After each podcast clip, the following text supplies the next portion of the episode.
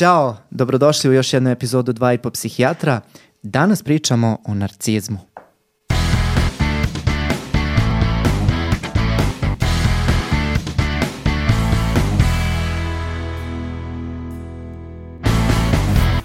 Danas pričamo o jednoj možda od najtraženijih tema od kako smo počeli ovaj podcast. Tražili ste manje više u svakoj epizodi da pričamo o ovoj temi, a mi ćemo danas pokušati uopšte da shvatimo zašto je ta tema toliko tražena i zašto, se, zašto bismo se uopšte i bavili time u dva i po psihijatra.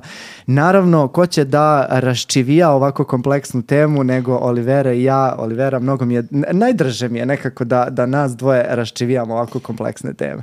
E, pored ovih svih komentara vidim ima tu i pitanja dosta. E sada ja bih na početku ove epizode tebi postavila jedno pitanje. Doduše pitanje koje nismo do sad postavljali u dvoje psihijatra, a to je da li ti imaš neko lično iskustvo onako koje bi podelio sa nama ovaj, iz ove oblasti? Jel misliš na lično ili profesionalno? Profesionalno. Da. A, znaš kako, imam i jedno i drugo, zato te pitam. A, ok, profesionalno. Ajde, ali podelit ću profesionalno zato što mi se ljudi iz okruženja žale da i stalno panjkavam u, ovaj, u podcastu, tako da ću sad da prestanem to da radim. A, imam jednog pacijenta iz kliničke prakse um, Jedno vreme sam radio na, na odraslom odeljenju, odnosno u dnevnoj bolnici za odrasle i tu sam uh, imao jednog pacijenta koji mi je uvek asocijacija uh, kada govorimo o narcizmu. Um, on je bio uh, osoba koja je stalno je menjao poslove. Dakle, ni, ni jedan posao nije mogao da zadrži duže vremena i došao je u dnevnu bolnicu nakon što je dao otkaz iz um, jedne banke gde je radio kao čuvar. Ali zašto je on dao otkaz? To je interesantno. Da. Dao je otkaz zato što Uh, posle šest meseci njegovog rada u toj firmi on nije unapređen da bude šef ekspoziture. I to je bio razlog. To je bio razlog. Dakle, oni nisu za šest meseci prepoznali njegov potencijal da on može da bude šef te ekspoziture u kojoj je radio i onda je on rekao ovi ljudi mene ne razumeju, ja zaslužujem mnogo više i dao je otkaz. Između ostalo, kada se uđe u istoriju njegovih poslova, manje više su svi bili na tako, ja ne kažem da je išta loše biti čuvar, ali manje više su svi bili tako neki, da kažem, niže rangirani poslovi gde je on uvek nakon određenog vremena smatrao da mu više pripada, ali se za to nije edukovao, za to se nije trudio i onda je samo odustajao i na kraju je došao na, na naše odeljenje, ovaj, odnosno u dnevnu bolnicu kada je se suočio nekako sa uh, tim tom nepravdom, svetskom nepravdom koja se njemu čini. Koja se njemu činila. I vidiš da to je jako dobro uvertira u stvari u jedan koncept, pošto o narcizmu je mnogo pisano, kao što svi dobro znamo, i postoje različiti oblici, čak i različitih tipova narcisa i u prošloj epizodi Danilo je pomenuo jednog izuzetnog psihoanalitičara, Kermerga, koji je u e, svojim delima opisao fenomen takozvanog nemogućeg narcisa. A nemogući narcis, pored toga što u stvari ima jednu vrstu fantazije, e, o veličini, o moći, o uspehu i e, često te osobe u stvari doživljavaju kako su nesvaćeni umetnici, pesnici, da su nesvaćeni od strane okruženja koji su njihovi kvaliteti, Takođe i karakteriše svojevrsni socijalni parazitizam. A šta u stvari to znači? Oni su sposobni da rade, ali koriste sve vrste manipulacije da ih drugi izdržavaju. I ono što je takođe interesantno za tog takozvanog nemogućeg narcisa je činjenica da oni ne vole da se leče jedino ukoliko u stvari postoji neka vrsta, kako mi to obično ili kažemo, sekundarne i tercijarne dobiti ili recimo ukoliko mi je potrebno bolovanje ili ukoliko mi je potrebna finansijska pomoć. Ja ne znam zaista tog pacijenta koga si ti leče, ne poznajem ga, ali pretpostavljam da je između ostalo kod njega postojala i ta vrsta dobiti. Jeste.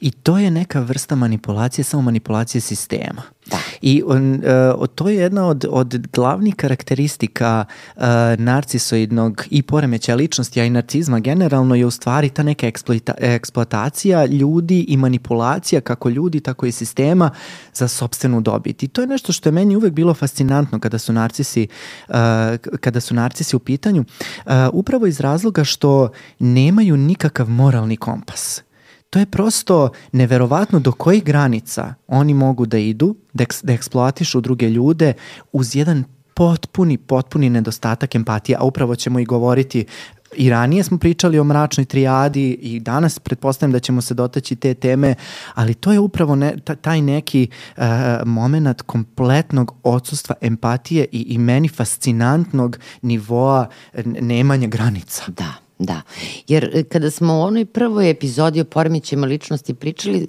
svećaš se, govorili smo u stvari ona dva segmenta poremeća ličnosti, jedan koji se tiče doživlje sebe i druga koji se tiče njihovih odnosa sa drugima. I onda upravo ono što su ključne karakteristike narcističkog poremeća ličnosti na način kako se još uvek zvanično diagnostikuje, mada i ti ja vrlo dobro znamo da uskoro u stvari narcistički poremećevi ličnosti zvanično više neće postojati, Znači, narcistički poremeće ličnosti, odnosno narcizam, prestaje da bude u psihijatriji diagnoza. E sad da se vratim na te međuljudske odnose, odnosno interpersonalne relacije kod narcisa, pomenuo si upravo dve bitne karakteristike. Znači, to je manjak, defekt empatije, o kome ćemo, verujem, što ti kažeš, detaljnije pričati, jer zaista zaslužuje posebnu pažnju. Drugo, to je iskorišćavanje drugih. A takođe ono što je karakteristično za odnose uh, narcisa, odnosno narcističkog poremeća ličnosti, e, u odnosu na druge je jedno osjećanje zavisti. Izuzetno su zavidni drugima ili projektuju zavist u drugoga i onda kažu, naravno to je jedan nesvesni mehanizam i kažu, a oni meni zavide. I još jedna karakteristika u tim interpersonalnim relacijama jeste jedna arogantnost. Dakle, oni prosto smatraju da su drugi manje vredni u odnosu na njih. I samo bih dodao, to, to su fenomenalno to što si rekla, uh, ključne stvari, čini mi se, svako od nas može da se seti neke osobe u životu koju bi, u kojoj bi mogao da sva, stavi sve to što si ti rekla, ali ja bih samo dodao jednu stvar kada govorimo o interpersonalnim odnosima, da nekako ugrubo opišemo narcisa pa da se onda bacimo u temu. Tako je.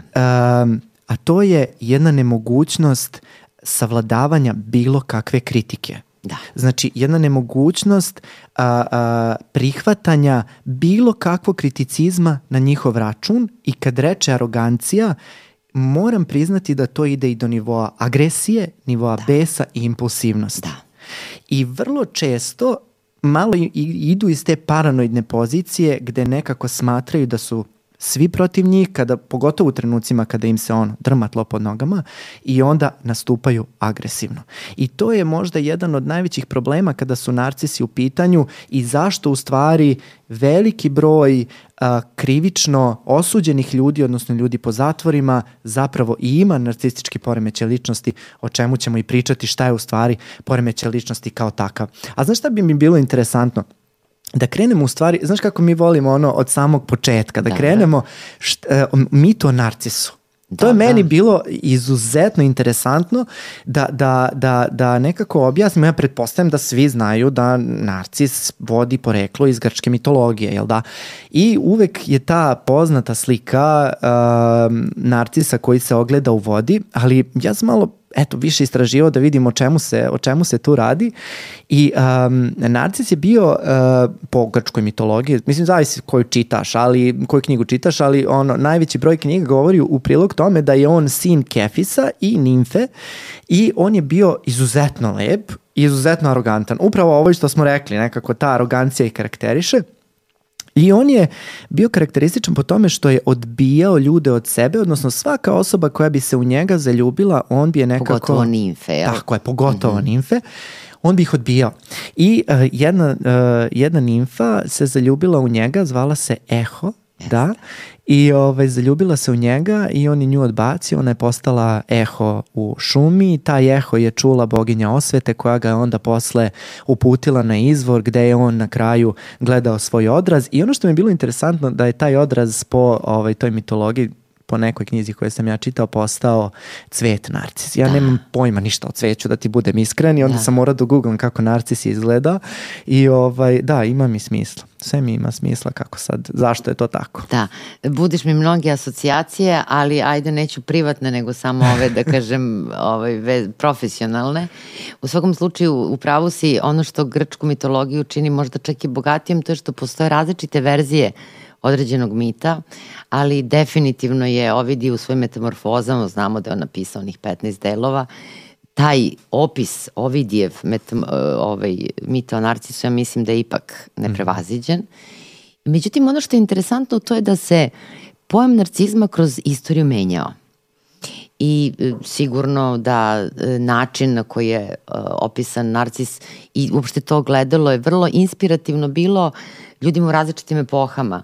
O narcisu je pisao i Šekspir i Bacon i dan danas postoje čak pokušaj pojedinih autora ne samo da opišu prirodu narcisa u tom mitu, već i nimfe Eho kakva je zapravo bila, da kažemo, neka njena struktura ličnosti. Njena da, psihobiografija. Njena psihobiografija, upravo to, da, da, da. Jedino gde priznajem psihobiografiju to su mitovi nimfe. i nimfe, tako je za ljude koji su zaista postojali u istoriji ili oni koji su danas zvanično na sceni, apsolutno sam protiv toga. Dakle, e, interesantno je i to negde u stvari asocira na tu e, priču, jednu vrlo intrigantnu i verujem da ću malo kasnije o tome pričati, a to je o partnerskoj relaciji između e, osobe koja ima narcističku strukturu i koja ima borderline strukturu. Vrlo interesantna dinamika. A ovo što si malo pre pomenuo, pomenuo si zapravo upravo tu jednu e, nedemetabolisanu, kako to žargonski kažemo, agresiju i impulsivnost narcisa. I ono što je interesantno, to je, e, ka, rekao si, e, ne podnose kritiku. To je takva istina. Dakle, moguće da se desi da, recimo, osoba koja ima narcističku strukturu zaista doživi neku neprijatnost. A može da se dogodi da m, joj samo kažeš nešto krajnje dobronamerno ili treća verzija, da primeti da neko ima nešto što ona nema, znači u sva tri slučaja ta neka od stimulus iz, da kažem, spoljne sredine izaziva jaku, intenzivnu emociju. Negativne emocije sad zavisi od konteksta. Da li je to zavist, da li je bes, da li je agresija, odbrambena agresija. I upravo zbog te nemogućnosti kontrole impulsa, oni u stvari razvijaju jedan pre svega fantazam osvete, ali nažalost zbog te impulsivnosti i agresivnosti često i kreću u osvetničko ponašanje. I to je zapravo problem. I onda tu postoje, da kažem, određene metode u psihoterapiji na koji način oni treba da dođu u jedan neutralni prostor, da se psihološki i fizički izdvoje kako bi mogli u stvari da obrade tu situaciju da ne bi u stvari krenuli u osvetničko ponašanje. Jer osvetničko ponašanje često kod narcisa, da. Jeste. I uh, jako interesantna je taj, uh, ta fantazmatska osveta, zato što je upravo ovo i što si rekla, može biti i fantazmatska pretnja i fantazmatska kritika. Oni su vrlo da kažem, skloni tim fantazmatskim, a, a, kako bih rekao, pretnjama i reakcijama, odnosno kontrareakcijama. Upravo to, znači ta kritika, kao što si rekla, mislim da, da je značajno da ponovimo, ta kritika ne mora da bude stvarna. Ne moram ja tebi da kažem, e, ne znam, što, što si sad ovo ovako rekla ili što si stavila te naočare ili što si se tako obukla, nego ti možeš da pomisliš da ja mislim to da. i da ti kreneš u ofanzivu. Da, da. I da. to je problem u da. stvari. Da ili ono što smo malo pre rekli zavist. Tako je. Dakle, narcis kad primeti da neko posjeduje nešto što bi on zapravo želeo da posjeduje. U krajnjoj liniji, narcisi tako i biraju partnere. Oni biraju u stvari e, za partnere osobe koje posjeduju ono što one nemaju i koje će da kompenzuju njihovu tu prazninu. Jer pretpostavljam da većina auditorijuma zna da ispod tog, nazovi, grandiozno, osjećanja veličine i grandioznosti u stvari leži jedna duboka inferiornost i oni u stvari biraju partnere upravo, kažem, prema kriterijima onoga što nemaju, tipa biraju uspešne, biraju partnere koji su bogati, koji su moćni, koji su lepi, e, da bi kompenzovali te svoje nedostatke, a onda očekuju da im se takve osobe dive. Da, mm. vrlo interesantan način. I, i pričat ćemo o, o nekim vrstama narcizma da. i, uh, i vrlo mi je interesantno kako različite vrste narcističnih osoba različito biraju partnere. I jedva čekam da se bacimo u tu temu, ali ovo što si pričala, to je ona karakteristika svakog narcisa kako svako zamišlja da narcis izgleda. To je onaj taj grandiozni narcis koji se pojavi i krene da, uh, kako da kažem, kopaun, onako da se širi po prostoriji i kako ja to zamišljam, kako on bira partnera? Kao da baci ovako par nekih udica po prostoriji, recimo na nekoj žurci, pojavi se i krene da priča, na primer kaže ja sam taj taj, ti kažeš ti si, ja sam Olivera, tr, i onda kreće nastup.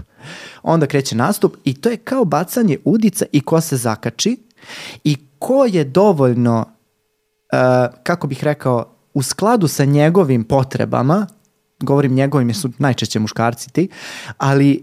Uh, I žena ima narcisa. Ima, ima, ne, ne, ali nekako... Sretala sam, verujem. ali, ali nekako najčešće, e, ja nekako znam za, za, za, za muškarce koji se tako ponašaju, koji tako bace, bace svoje udice i onda se nakače uh, ljudi koji... Uh, um, će davati ono što oni nemaju, a to je svakodnevna i konstantna gratifikacija, odnosno konstantni jedan, jedna hvalospevi i to lepljenje za, za, za te uspehe, kao što si rekla, svi traže tog jednog uspešnog, grandioznog i tako dalje, međutim ono što se ne vidi na prvu loptu, a to je ta duboka lomljivost iznutra, ta, ta nesigurnost i ta potpuno jedno, jedno, kako bih rekao, unutrašnje ništavilo koje nema čime da se ispuni osim tom eksternom validacijom koja im je potrebna. Upravo tako. I sada u stvari smo došli, znači negde smo definisali te međuljudske odnose narcisa i sada prelazimo na neke, da kažem, osobine, odnosno više karakteristike kako oni doživljavaju sebe, a to je taj grandiozni osjećaj veličine, jel? Onda ta jedna jako izražena potreba da im se ljudi dive. Onda neverovatno je koliko um, osobe sa narcističkom strukturom imaju jedan osjećaj posebnosti. Šta to u stvari znači? Znači da oni smatraju da njih jedino mogu da razumeju posebne osobe i da oni biraju osobe koje su posebne. Jer smatraju da su jedino takve osobe dostojne da se s njima druže. Dakle, narcis će baciti udicu uh, on ima potrebu naravno da mu se ljudi dive i on je fascinantno zavodljiv u tome. I ja ne znam osobu, evo krećem od sebe, koja je kroz život, kroz svoju biografiju, pogotovo kad sam bila naravno mlađa i kada nisam znala psihijatriju i kada sam bila, da kažem, onako više ovaj, orijentisana ka svetu na način na koji su svi adolescenti orijentisani, ili tako da je to jedno predivno mesto, ili tako da su tu divni ljudi. Naravno, da, da sam uspevala da se upecam na narcise, jer oni ostavljaju jako, jako ovaj, dobar utisak na nas. Jer sećaš se kad smo pričali o poremećima ličnosti, to je nešto što prvo naučimo na psihijatriji kako ćemo da prepoznamo generalno poremeće ličnosti. Dakle, uvek se nešto u prvom susretu sa njima desi. Ili nas oduševe, ili i uvuku nam se pod kožu, ili potpuno onako stvorimo otpor u odnosu na njih. E, narcističke strukture su te koje, koje će nas na prvu Oduvaju loptu nas. O, mhm. potpuno fascinirati. Da. da, da, da. Jeste, jeste. I, ovaj, ali samo, samo bih hteo da se dotaknem toga, rekla si grandioznost. Ja ne bih voleo da e, ljudi e, pomešaju grandioznost sa nekom ambicioznošću. Znači, da, da nije, znači, e, ambicioznost je nešto što nas tera ka uspehu. Tera nas da budemo još bolji, tera nas nekako da, da se krećemo u pravom smeru. A kada je neko grandiozan, ta osoba smatra da joj sve pripada i da ne treba ništa da radi povodom toga, nego sedi i čeka da joj se nešto desi. Odnosno, sedi i čeka da svet ovaj ne, kako da kažem, okrutni svet prepozna tu njegovu ili njenu posebnost. Svet čak treba da bude zahvalan što, ta, deo. što je ta Tako osoba prisutna. Da, Tako da. Jednostavno oni smatraju da, e, da je njihovo prisustvo već e, ulepšava svet u kome se nalazimo.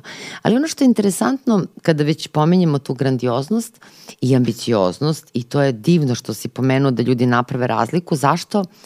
Zato što nekako pričali smo eto o početcima, pričali smo mi to o narcisu. Interesantno je da ako posmatramo iz perspektive psihijatrije i medicine, istorijata razvoja koncepta narcis, narcizma, u početku se on više dovodio u vezu sa nekim uh, seksualnim, kako su se tad nazivali, inverzijama ili perverzijama, zavisno od autora, onda nekako narcizam je došao u ruke psihoanalitičara i oni su tu zaista napravili veliki doprinos, shvatili su da narcizam nije u vezi isključivo sa seksualnošću kao što je nije i kao što dobro, vrlo dobro znamo. Međutim, ono što je meni jako drago Ponovo vraćam se na mm, e, pomenutog Kernberga, ali tu moramo da pomenemo i još jednog izuzetnog psihoanalitičara, to je Kohut. Oni su, kao i sam Freud, napravili u stvari razliku između nečega što mi nazivamo zdrav, normalan narcizam i patološki narcizam. I taj zdrav narcizam, sada u zavisnosti naravno od teoretičara, e, ali on zapravo njega karakteriše samopoštovanje, zdravo samopoštovanje. To mi je bila preslatka e, čuvena psihoanalitičarka e, Karen Horney koja je u stvari govorila, narcizam je u stvari dovodila u vezu sa, na, sam, kako ona to nazivala, samonaduvanost. Mm -hmm. Samonaduvanost kao jedan patološki fenomen, malo ga je drugačije shvatala nego mi danas. Ona je naime smatrala da narcisi ne vole ni sebe ni druge, što u stvari negde pa, ima istine. Ima, sti, da, da. ima istine, da, u toj samonaduvanosti. A zdravo samopoštovanje predstavlja u stvari zdrav narcizam i on podrazumeva da osoba e, objektivno vrednuje svoje objektivne kvalitete. I taj zdrav narcizam vodi ka zdravoj ambicioznosti, ka zdravom postavljanju ciljeva, ka tome da ukoliko nečemu ne uspe, to nije smak sveta. I e sad šta se dešava sa patološkim narcizmom? Kako reaguje osoba koja recimo ne uspe u nečemu, a ima narcistički poremećaj? Ja, pa to je jedan pakao. znači, šta je u stvari, Jest. šta Jest. je u stvari, e, to je, možemo, kao i sve nekako u psihijatriji, narciza možemo da posmatramo kao jedan kontinuum. I to je upravo si ti objasnila sjajno ovaj zdravi deo narcizma. Međutim, on može da ide i do nečega što mi zovemo vulnerabilni narcizam, odnosno sa druge strane granični narcizam, ili na kraju, ovog drugom kraju spektra, to je taj patološki, taj maligni narcizam, da. koji onda se reflektuje na sve strane i ostavlja ogromne, ogromne posledice. I šta je u stvari tu kvaka? Ako mene pitaš, kvaka je najviše u tome kako ljudi reaguju na ove kritike koje smo pomenuli ranije. Jer uh, u kliničkoj praksi čak i pitanje jednog, kada je, kada je taj maligni narcis u pitanju ili kada je patološki, odnosno ovaj, narcistički poremeće ličnosti u pitanju, kada neko dođe u ordinaciju i kaže ja ću ne promeniti filozofiju sveta ili postaću ministar ili tako dalje. Čak i pitanje naše, a kako to misliš da postigneš, će izazvati užasno agresivnu, impulsivnu reakciju. Kako, kako ti uopšte dovodiš u pitanje moju sposobnost, odnosno kako ti već unapred nisi svestan moje grandioznosti, odnosno mog postojanja. Da. Dok sa druge strane ovaj zdravi narcis će se zapitati, proceniti, promisliti i u skladu sa svojim realnim kapacitetima reagovati. Da. E to je, čini mi se, ključna razlika, bar ono kako bih ja ispitao u kakvom se narcizmu radi u kliničkoj praksi. Tako. I ono što karakteriše patološki narcizam posebno, a pomenuo si, samo je to prosto možda malo da razradimo tu temu, to je taj osjećaj praznine, izuzetan i ta stalna potreba za jednom spoljašnjom stimulacijom. I sada, Znam da je jedan od odličnih komentara na epizodu sa Danilom, kad smo govorili o graničnom, odnosio se na to kako uopšte na osnovu Danilove priče napraviti razliku u odnosu na narcistički poremeć ličnosti. Sjajno pitanje. I mislim da, bi, da je sad u stvari trenutak da na njega odgovorimo upravo jer i kod borderline-a postoji to jedno hronično osjećanje praznine. Ono što suštinska po meni, sad možda se neko sa mnom neće složiti, razlika uh, jeste to što kod klasičnog borderline-a postoji jedan stalni strah od napuštanja. Za razliku od narcizma kod koga st postoji stalna potreba za divljenjem i stalna potreba da mu sredina potvrđuje njegovu vrednost. To je negde, da kažem, ključna možda, sigurno ima još nekih drugih karakteristika, odnosno razlika između borderline-a i narcisa. Da. da, ali ono što je sličnost sa druge strane i zašto nam je nekad teško da razlučimo jeste što je narcizam nešto što obuhvata i borderline i narcistički poremeće ličnosti i antisocijalni poremeće ličnosti, da. odnosno sve ono što smo stavili u taj klaster B i ljudi koji se bave izučavanjem klastera B poremeća ličnosti, odnosno tih takozvanih dramatika, jeste da je suština, ono što oni kažu jeste da je suština svih njih u stvari narcizam. Nešto što ih objedinjuje, to je narcizam i nedostatak empatije sa jedne strane, ali narcizam je taj neki, što mi kažemo, srž, korni, kor simptom svih tih poremeća ličnosti da ih nekako zaokružimo jednim pojem. Da. I drugi razlog zašto smo recimo kada smo u prošloj epizodi baš pričali o borderline-u, mm -hmm. nismo hteli da govorimo o klasičnom graničnom poremećaju ličnosti, nego o toj graničnoj organizaciji. Jer to je taj nivo, ono što je Danilo i rekao, to su stanja koje se nalaze, mi to kažemo više onako uh, hirarhijski, jel? Ako posmatramo od najlakših poremeća, to su neurotski, najteže su psihoze, a da se ova patologija koju nazivamo granično nalazi između neuroza i psihoza i na tom nivou graničnosti se nalaze i narcistički poremeće ličnosti yes. i granični poremeće ličnosti i antisocijalni i tako dalje.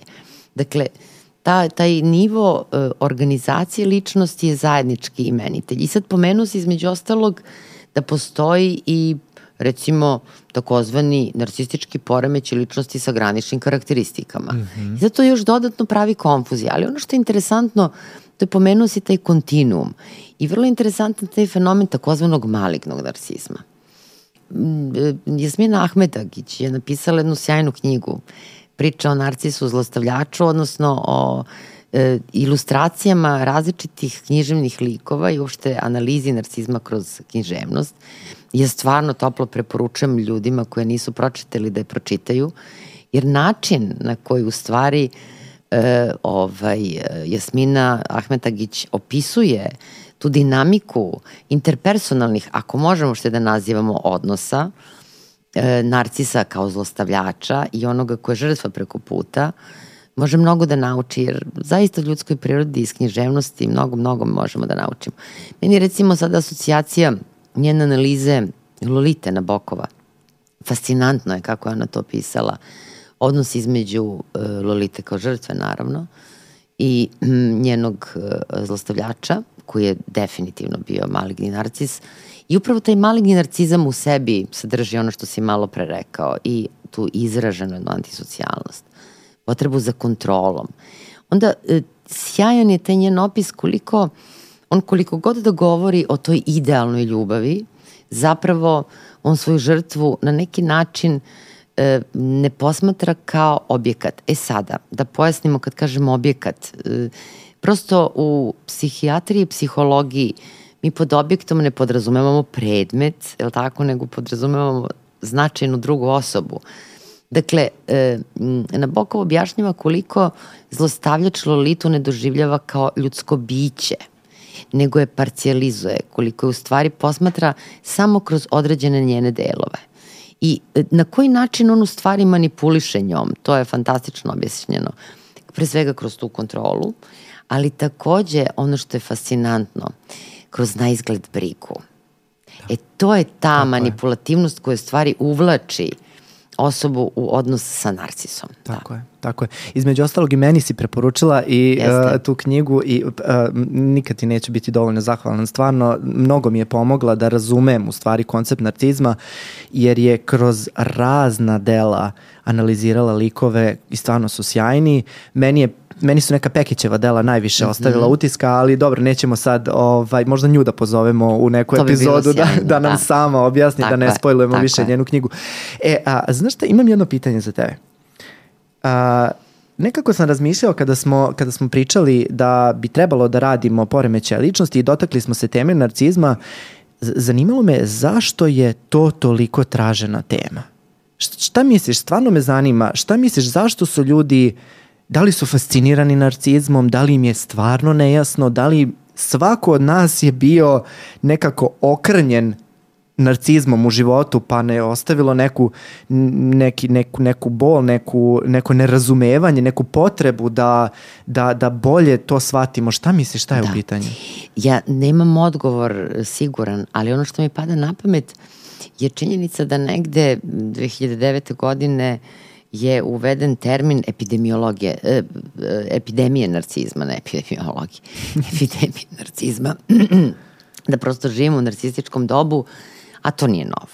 To nije novo, još je Laš 79. godine napisao zaista remek delo narcistička kultura, koji stvari govori o jednoj e, atmosferi vremena u kome mi živimo.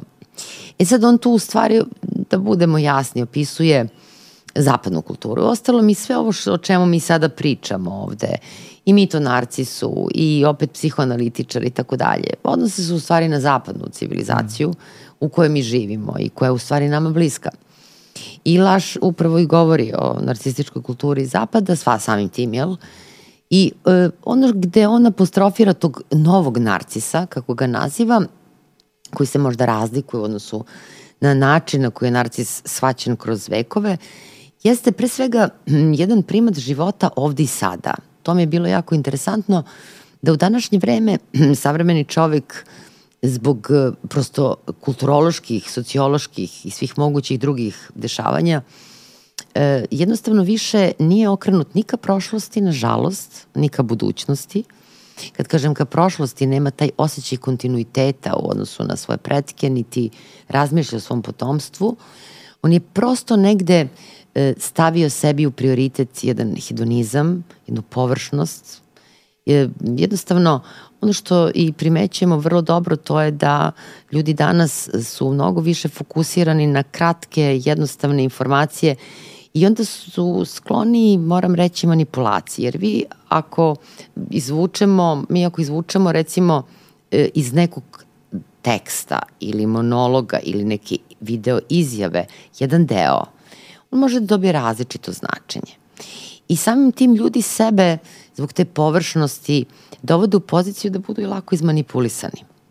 Dakle, taj konzumerizam, ta jedna fascinacija novcem, e, naravno, neko će reći sada zašto smo toliko, da je to jedna vrsta jedna licemere ili hipokrizije da novac nije bitan. Novac je naravno bitan, to je nama način na koji mi postižemo određene stvari u životu.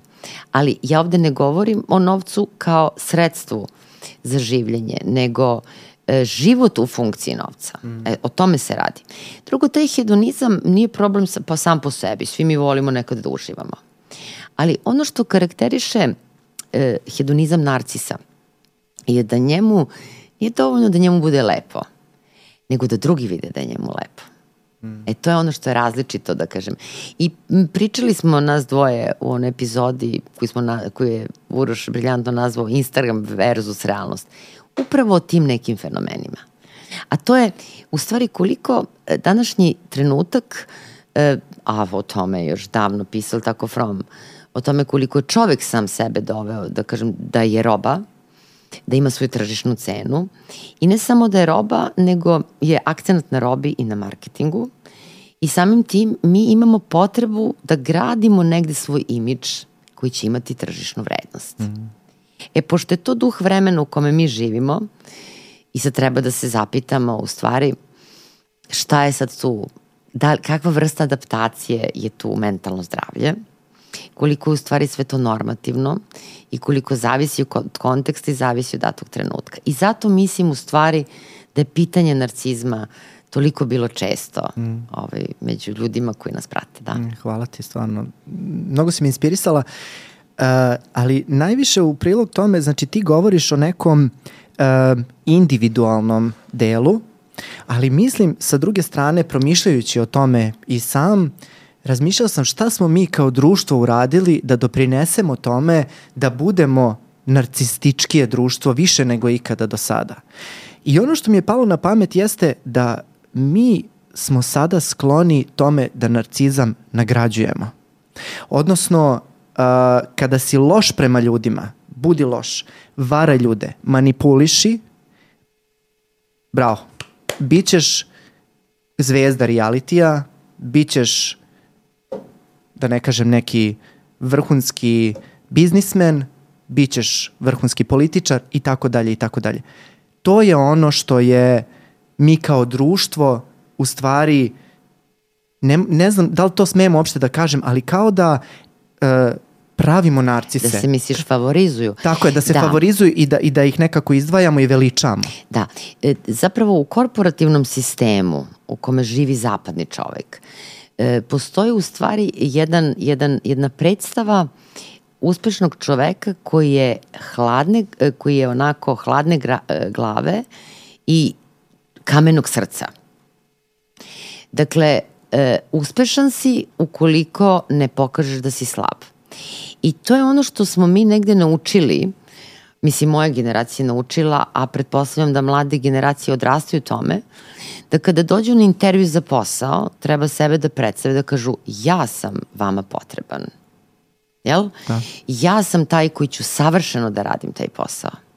To je ta vrsta marketinga koju stvari čoveka uvlači u jednu vrstu narcizma.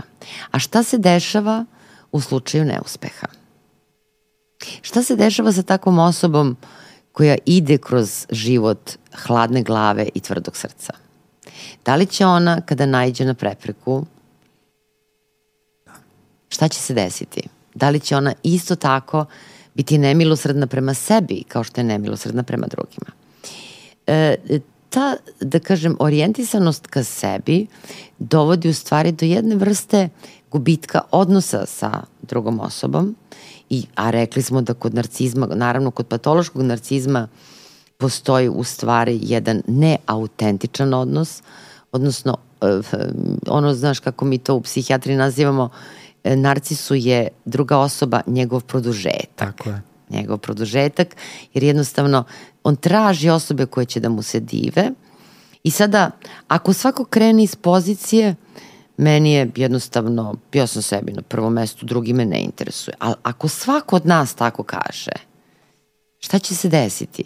Ako meni treba pomoć, a ja krenem iz te pozicije. Gde ćemo završiti svi? Gde ćemo završiti? Nije dobro. Mislim da takav pristup stvarima nije dobar. I zato mislim da su ljudi vapili za ovom temom zato što primećuju da im nešto smeta. Mm.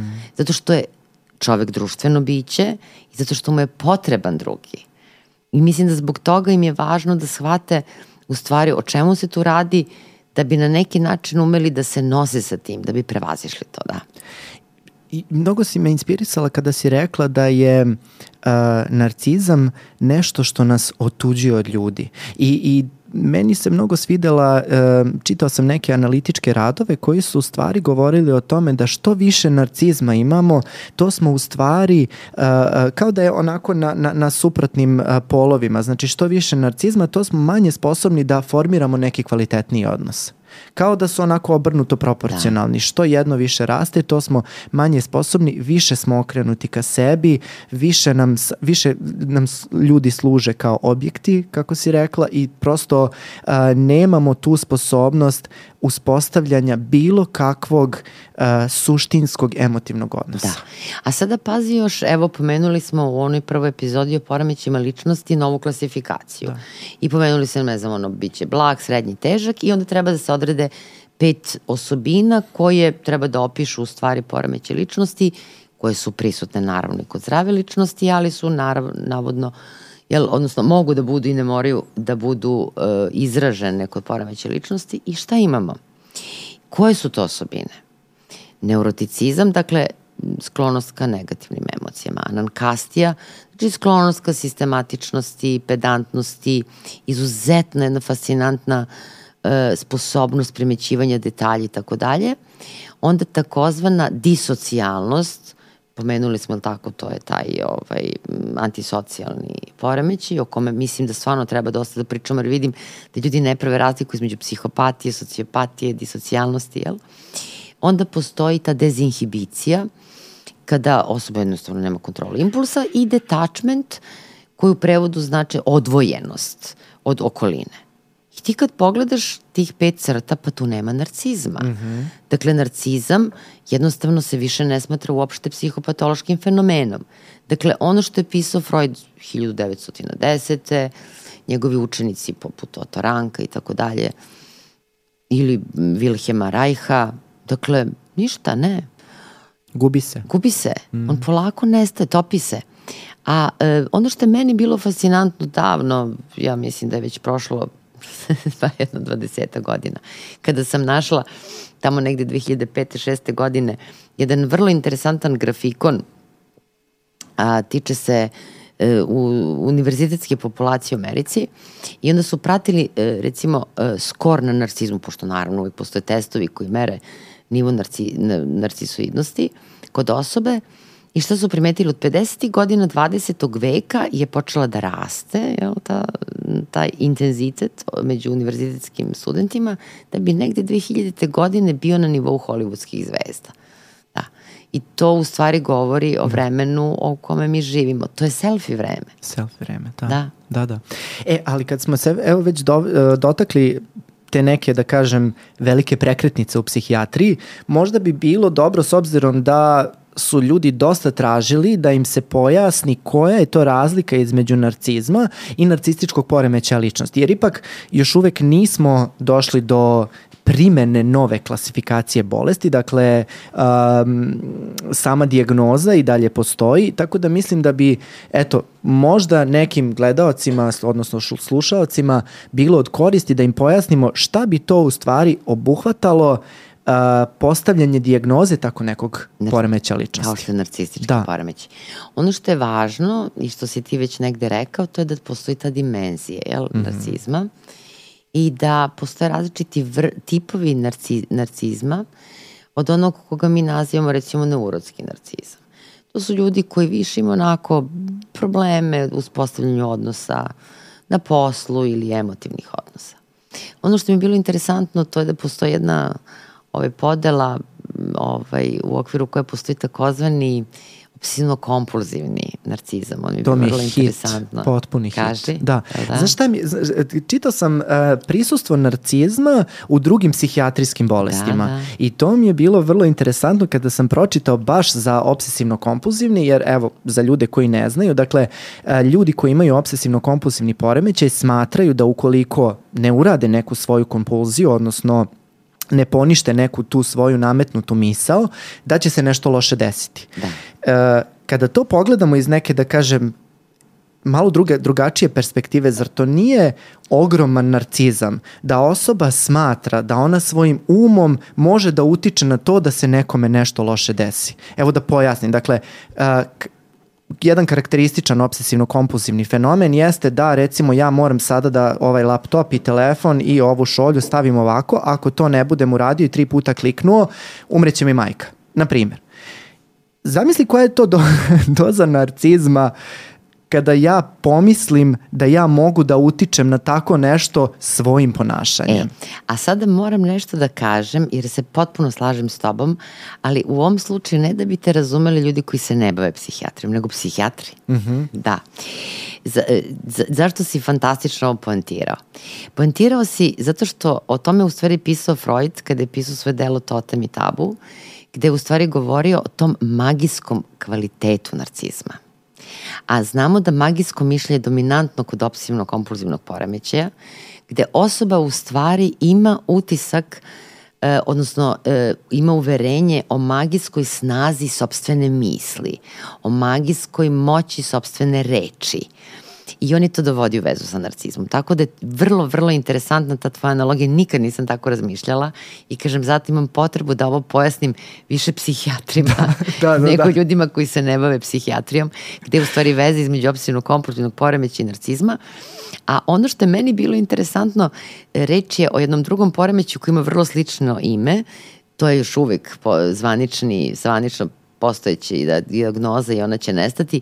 Obsesivno-kompulsivni poremećaj ličnosti koji nema veze sa obsesivno-kompulsivnim poremećajem kao što znamo. E, I sad taj obsesivno-kompulsivni poremećaj ličnosti u kombinaciji sa narcizmom dovodi do jednog fenomena koji je više prisutan e, u nekim drugim društvima. Ja nisam baš, da kažem, toliko verzirana za e, onaj deo psihijatrije koji se tiče drugih kultura, ali naravno neke elementarne stvari znam svi vrlo dobro znamo da recimo Japanci imaju taj izražen kohezivni karakter i da u stvari kod njih postoji taj vorkoholizam čuveni. Mm -hmm. I ono što je takođe za meni fascinantno u njihovoj kulturi, to je da oni imaju one posebne šatore e, za, za dremku koju iznajmljuju recimo, ne znam, 3, 5 ili koliko dolara sad ako prevedemo u tu valutu, jer oni rade po 18 sati dnevno i onda praktično, znači to su posebna mesta gde oni malo odremaju toku dana i nastavljaju da rade. I zašto sad ja to vam pričam tebi? Ovaj, zato što, i kako sam ušte došla do te informacije, zato što kada sam jednom htela da pripremim predavanje za specializante, pokušala sam da nađem fotografiju studenta, odnosno specializanata ili studenta, svejedno, kako spavaju na predavanju. I onda sam stavila te ključne reči na Google i izašli su mi isključivo Japanci. I onda me zainteresovao fenomen i onda sam shvatila u stvari da je to kod njih socijalno prihvatljivo. A skoro sam videla jedan reels gde klinci, znaš kako u Japanu recimo Ja sam sad počela kao ona iz tesne kože, a u Japanu. U Japanu, da, da. A u Japanu, ovaj, e, kako đaci imaju klupe i onda je fenomenalno, znači završe sa zadacima, a onda okrenu klupu i onda spavaju i dremaju. E, taj njihov workoholizam koji je deo njihovog karaktera, oni verovatno smatraju normalnim fenomenom.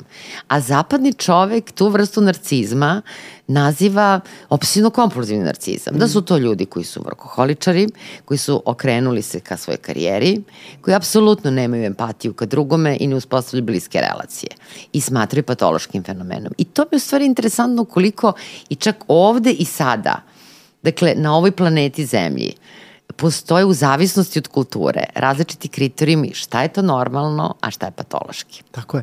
I izvini, ja se sve vreme smijem jer te zamišljam kao Irfana Menzura, stvarno si da. počela bukvalno tako. Uh, e, ali to se upravo nadovezuje na onu priču uh, koju smo pričali u epizodi, našoj uvodnoj epizodi ovog serijala, da li bi poremeće ličnosti bio poremeće ličnosti na pustom ostravu. I tako sam se ja uvek pitao da li bi osoba sa poremećem ličnosti u jednoj kulturi tako ekstremnoj kulturi kao što je recimo Japan, Kina, istočnjačke kulture, kada bi ih premestili, izmestili u neku drugu kulturu, da li bi se i dalje smatrali kao poremećajima ličnosti? Da, to je vrlo I interesantno to... pitanje zato što ono što znamo da njihov mentalitet karakteriše taj kohezivni karakter. Tako je. Njima je grupa mnogo važnija od individua, za razliku od zapadne Gde kulture. Gde se i forsira ta individualnost Tako sada. je, jest. i samim tim, a individualnost ipak implikuje jednu dozu narcizma. Narcizma, tako je, tako da. je, tako je. E sad, uh, kada govorimo o narcizičkom poremećaju li, ličnosti, um, mislim da je strašno bitno da napravimo tu uh, kliničku razliku, odnosno kako mi pravimo razliku od toga da li je neko samo malo više narcis ili je zapravo poremećaj ličnosti. I ono što je uh, jedna od karakteristika koju nisam ja smislio, uh, slušao sam jedno predavanje o narcizmu, jeste kada je jedan profesor amerikanac rekao uh, ja nikada nisam imao pacijenta sa narcističkim poremećajem ličnosti koji je uspešan.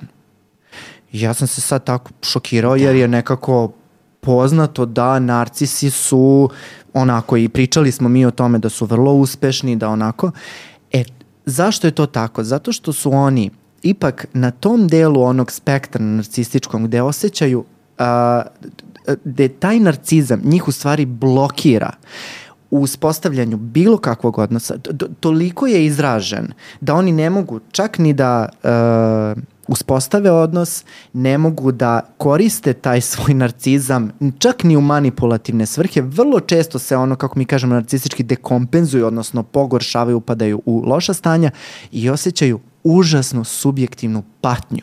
I to je nešto što i karakteriše poremeće ličnosti.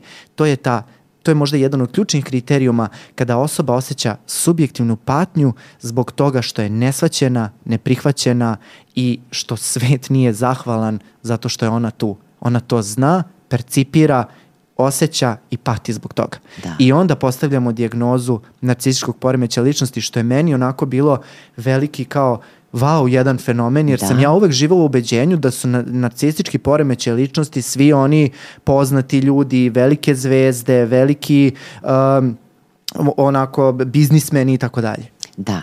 E sada tu dolazimo i do pojma onog vulnerabilnog narcisa koga si pomenuo. Jedva čekam. Znači, to mi je Iz- omiljena kategorija. Izvoli. Onda izvoli. ne, molim te, reci prvo pa ću ti ja reći moju asocijaciju. Da, pa u stvari kod vulnerabilnog narcizma nedostaje ta grandioznost. E to je da kažem ključna razlika. Dakle, mi e, znamo i o tome smo toliko puta, ja mislim, kroz ovaj podcast govorili, da postavljamo dijagnozu tako što u stvari imamo neke kriterijume, evo konkretno kod narcističkog poremeća ličnosti koji još uvijek postoji, još neko vreme, otkucamo mu sat, imamo devet kriterijuma, je li tako? Tako je. Potrebno je da bude zadovoljeno pet, nije bitno kojih i eto nama dijagnoza narcističkog poremeća ličnosti. Jedan od kriterijuma jeste grandioznost. Da. Ali može znači da se pojavi ne. I u stvari taj vulnerabilni narcis ili kako ga nazivaju narcis sa tankom kožom je vrlo osetljiv, on je preosetljiv na kritiku i on nema to osjećanje veličine. Naprotiv, on ima jedan potpuno drugi spektar osjećanja. On je kao ogoljen, ma kakva tanka koža, on je kao da je bez kože, jednostavno u smislu da je toliko ranjiv. Jer mi znamo šta znači kad čovek ima opekotinu i kad mu je oštećena koža, on je životno ugrožen. Tako da su i u psihološkom, ovde ne u telesnom, ali u psihološkom smislu, ti vulnerabilni narcisi vrlo, vrlo osetljivi. Jeste. A koje su tvoje asocijacije? Jeste, ali zašto, zašto volim um, vulnerabilne narcise, uopšte da pričam o vulnerabilnom narcizmu? To je upravo zato što je uh, to jedna kategorija ljudi koje ljudi ne percipiraju kao narcise. A zašto je to tako? Zato što kada ih vidiš, uh, prva stvar koja ti upada u oči to je njihov užasan nedostatak samopouzdanja. I kako ti taj nedostatak samopouzdanja da povežeš sa narcizmom. I to je onda, kada kažeš nekome, saopštiš da je ta osoba možda narcis ili možda ima tu, što, što ja volim u praksi da kažem, jaču narcističku crtu, a, kako u stvari povezati te dve stvari. I a, a, asocirala si me kad kaže grandioznost. Slažem se, ne javlja se vrlo često, ali ono kada malo zagrebeš ispod površine, a, ono što sam dobijao kao odgovore, recimo kod adolescenata, jako su česti u adolescenciji ti vulnerabilni narcizmi i kada, a, kada malo zagrebeš ispod površine, kada se malo uspostavi to poverenje, oni ipak kažu, pa dobro, bio bih najbolji možda recimo u tom sportu ili u toj, u toj glumi, samo kada bih imao prilike kakve je ovaj drugi imao. E, to su te E, fantazije. te fantazije. Da, to su ti fantazije. fantazmi i, i, i, i to jeste neka vrsta grandioznosti, složit ćeš se. Ima ipak malo onako, na primjer, um, kada kažu e, previše sam vredan da bih učestvovao u tome, to je ipak malo ispod mog nivoa, ali ja ću, neću se ipak truditi jer ja ipak previše vredan. Znači, ipak Da. ima te neke, da I kažem, ta grandioznosti. racionalizacija, ja sam mogao da postanem, i čak i kasnije kroz život se javlja, da, ali prosto nisu bile okolnosti ili ne znam, obično optužuju roditelje ili već splet okolnosti ili okruženje u kome žive, a uvek zaboravljaju da svoj karakter nose sa sobom tako da na bilo koje tački planete da se nađe, oni su oni. E sada, to je interesantno da kod tih vulnerabilnih narcisa se često javlja jedan fenomen koji se naziva e, psihološko utočište. A šta to znači? Da se takve osobe u stvari povlače, da kažemo onako, u neki svoj unutrašnji svet da se sklanjaju. Jer jednostavno ne mogu da podnesu, sad pazi paradoksa, to je to ono o čemu smo malo pre pričali, znači klasičan ovaj grandiozni narcis, knjiški narcis, njemu je potrebna publika, potrebno mu je divljenje, a ovaj se sklanja, sklanja se od sveta, jer upravo je toliko preosetljiv na, uh, na, na, na kritiku. A šta je za njega kritika? Upravo ono što smo malo pre Sve rekli. je kritika, Sve. da. Znači čak i blagonaklon savet. Oni mogu tako da planu na blagonaklon savet. I zaista da se osete povređenim. I to je problem, da. Jeste, ali čini mi se da mm, vulnerabilni narcisi, odnosno ti narcisi sa, sa tankom kožom, više reaguju u suprotnom smeru, odnosno okreću tu agresiju prema sebi. Da, I da. dolazi do u stvari njihovog unutrašnjeg slamanja. Da. I to je, takvi narcisi, se, m, da budemo, da budemo jasni odmah u startu. E, bilo je jedno pitanje kako naterati narcisa da se leči, kako Moj odgovor je sa srećom. Teško. teško je naterati bilo kog narcisa zbog narcizma da se leči. Da. To je jako da. teško. Oni se nikada samostalno neće javiti. Međutim, kada dođe do ovih, kako mi kažemo, dekompenzacija, odnosno pogoršanja u smislu depresivnosti, u smislu te internalizovane agresivnosti, pa onda da, da ide u neku recimo zavisnost od psihoaktivnih substanci, u neki alkoholizam i tako dalje, e onda će se zbog toga javiti, e onda ćemo mi to prepoznati i onda lečiti. Ali to je taj put. Da, put je ono što mi medicinari generalno kažemo dekompenzacija I sad ono što je tu interesantno, kad si pomenuo prvo ovaj način koje se simptomi javljaju, da, najčešće depresija. Ta narcistička depresija je specifična, mm -hmm. jako i mi je u stvari nekada čak nazivamo narcističkim pesimizmom. Jer e, njihovo viđenje, za razliku od klasične depresije, u okviru koje osoba doživljava sobstveni svet depresivnim, narcistička depresija se širi na okruženje. Tako da e, osoba sa narcističkom strukturom ne vidi samo svoj svet depresivnim, nego ona boji i svet drugih ljudi takvim. I e, ona je dosta, kako mi to kažemo, e, rezistentna na lekove.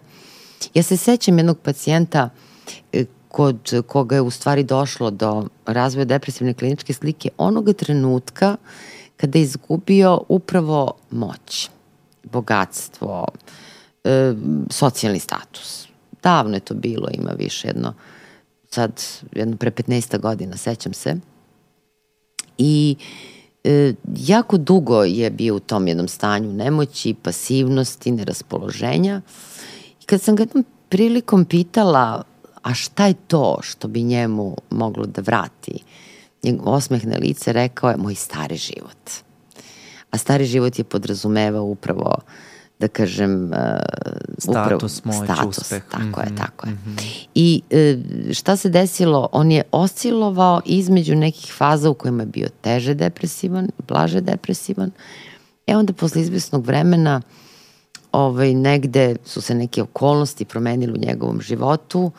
On je uspeo da ponovo negde povrati jedan deo svoje, svog, da kažem, biznisa i nekako blago se ipak stabilizovao. Ali e, ono što je meni, da kažem, najbolji primer, to je jedan primer iz kinematografije. Film Bulevar sumraka. Mm. E sad, pošto živimo u narcističkom dobu i ne poštujemo prošlost, I onda, naravno, ovaj, pošto ja svakako sam rođena u vreme kada je Gloria Swanson glumila film Bulevar sumraka, pa znam za taj film, a ove mlade generacije ne znaju, je li tako? U svakom slučaju, ovaj, fascinantna mi je scena u kojoj e, dakle, u pitanju je tako žena koja je bila ovaj, velika zvezda nemog filma, međutim kad se pojavio ton, tada je ona jednostavno otišla u zaborav i sada u nekoj 40. godini života desilo, je, desilo se nažalost da se ona razbolela, upravo došle do te narcističke dekompenzacije i ubile čoveka, dolaze da je hapse i ona u tom svom psihotičnom svetu, u svom doživljaju iskrivljene realnosti, seda ispred ogledala, oblači se, jer ona silazi onim stepeništem, ona čuvena scena, ili tako? Jer ona veruje u stvari da ona snima film i da svi ti ljudi, novinari koji su došli, došli su zapravo zato što je hapse, da su došli zato što ona snima film. To je meni zaista najbolja ilustracija kako u stvari izgleda osoba narcističke strukture koja se dekompenzuje. U pravu si potpuno, oni tad dolaze na lečenje, a da su lake za lečenje nisu zašto? Jer često se recimo čak kada se taj vrh ledenog brega u smislu simptomatologije, da li je depresivnost, anksioznost ili neka psihotičnost, kada se povuku i kada ostane ta ogoljena narcistička struktura i ukoliko pacijent ostane i dalje u terapiji, naravno da tada se pre svega ide na psihoterapijske tehnike i o tome Danilo zaista detaljno priča o psihoterapiji kod poremeće ličnosti, generalno, a i kod, pogotovo kod graničnog, isto važi za narcistički poremeće ličnosti, oni čak pokazuju jedan paradoks, a to je kada im je bolje da dolazi do terapijskog otpora. I ono što često u stvari pokazuju e, u okviru interakcije sa terapeutom, to je jedan takmičarski e, mm. odnos. A i superiornost. I superiornost, jeste. Gde oni u stvari hoće da ponize i da nekako uh, uh, pobede da pobede terapeuta. E to me nekada, znaš, podsjeti na mm, e, jednu vrstu vođenja, e, ajde da nazovemo dijaloga ili rasprave na socijalnim mrežama. Jesi primetio da ne kada... mogu da verujem da razmišljam o istim stvarima. Sve Ozbiljno? vreme razmišljam, da, da, da. Kaže, Razmišljam o, o tim, um, evo, šest meseci smo na YouTube-u. Dobro. Imali smo raznih komentara, Da. ali ono što su mi specifični komentari jesu e, ti ljudi koji dođu pod nekim pseudonimom XY123 e, i koji dođu i kaže šta ovi bulazne, nemate vi pojma, a, bolje da vam dođem ja da vam kažem. I zar to nije, Da. mislim, mi nekako kad čitamo to, meni to samo govori u prilog narcisoidnosti osobe koja to komentariše, odnosno potreba za devalvacijom našeg truda ili bilo čijeg truda. I onda me to asocira na taj terapijski odnos koji si ti u stvari uh, uh, vrlo lepo pomenula zato što svi ikada koji su radili sa narcisima znaju koliko je to u stvari jedna kompeticija i koliko oni u trenucima kada se najbolje osjećaju imaju potrebu da dominiraju tim odnosom Da. i da fasciniraju. Da. Tu dolazimo čak i do jednog fenomena koji je opisan uh, u ovim novim socijalnim medijima, takozvana online dezinhibicija. O čemu se zapravo radi? Pričali smo u nekoj od uh, epizoda podcasta, a to je da ljudi na socijalnim mrežama ne žele da se predstave svi u najboljem svetlu. Postoje ljudi koji žele da se predstavi kao negativci. Ono što bi rekao Danilo kad su, ljudi, kad su u pitanju deca, onda dele svet na pozitivci i negativce. Da se predstave kao negativci. Ali ono što je meni interesantno, pošto, eto, prosto možda sada delim jednu svoju ličnu ovaj, jedan lični podatak, a to je da sam iz porodice u kojoj ima mnogo novinara i baš se nekako moja porodica bavi medijima i onda znam da recimo iza tih pseudonima neretko e, tih koji da kažem daju negativne komentare u stvari sede ljudi koji su krajnje e, onako da kažem u svakodnevnom životu vrlo tihi, mirni, povučeni. Hoćeš da kažeš vulnerabilni narcisi? Pa da. moguće. Ili generalno da su onako pristojni ljudi koji ne odaju utisak uopšte da su na bilo koji način agresivni. I moguće da im je potreban taj kanal komunikacije da prosto taj deo sebe ovaj, negde, da kažem, realizuju. I možda je to i za njih dobra stvar. A meni bila asocijacija i onda Kako si, vrsta- uve- uvek si psihijatar, ali stvarno, ja sam mislio doći ćemo ovde u podcast i kao da malo pričamo ovako, ali ti ne, neverovatno uvek e, nekako nastupaš primarno iz pozicije terapeuta. Neverovatno kako shvataš taj, taj način kao, ok je, nek me, mislim, nek nas pljuju, Pa naravno. pa to će njima pomoći, ja sam tu da pomoći. Da. Mislim, stvarno Pa, el- fenomenalno. A, el, samo, pa je Pa, tako? ne, apsolutno si upravo, ja se s tobom skoro slažem, Da. ali mi je neverovatno da čak i ovde, znaš, nastupamo iz neke pozicije Pa i terapeuta. treba. Da. Apsolutno. Prosto se srodimo se s tom ulogom. A čak, ja, veruj mi, meni je ovo potpuno i ti komentari i pozitivni i negativni su mi otvorili jednu potpuno novu perspektivu, jer mi u stvari komuniciramo sa ljudima koje ne poznajemo i zaista mnogo učimo od njih. Jeste. E sad, ali je meni interesantno recimo na ovim drugim socijalnim mrežama, najviše na, na Facebooku, tu onako pogotovo u različitim onim grupama gde ljudi komentarišu. I sada ulaze ljudi u dijalog. E to mi je recimo interesantan fenomen, recimo neko napiše neku konstataciju i sad se neko ne složi s njim. I to je mnogo dobra stvar. Mm -hmm. Jer kada bismo se svi složili, pa to bili bi fa, onako potpuno ko idioti. Mislim, potpuno svi isto razmišljamo, jel?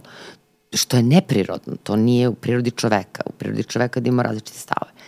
E sada, šta meni smeta? Smeta mi što kada neko ko se ne složi i da neku argumentaciju, imam nekada utisak da ovaj koji treba da mu odgovori uopšte ne čita šta je ovaj Tako je, napisao, apsolutno. Apsolutno. nego potpuno iznegira napisano, ne uvaži ga i kreće upravo iz te, da kažemo, e, takmičarske pozicije gde ima samo želju da ga poništi, da ga devalvira, da ga uvredi i da negde progura svoju tezu.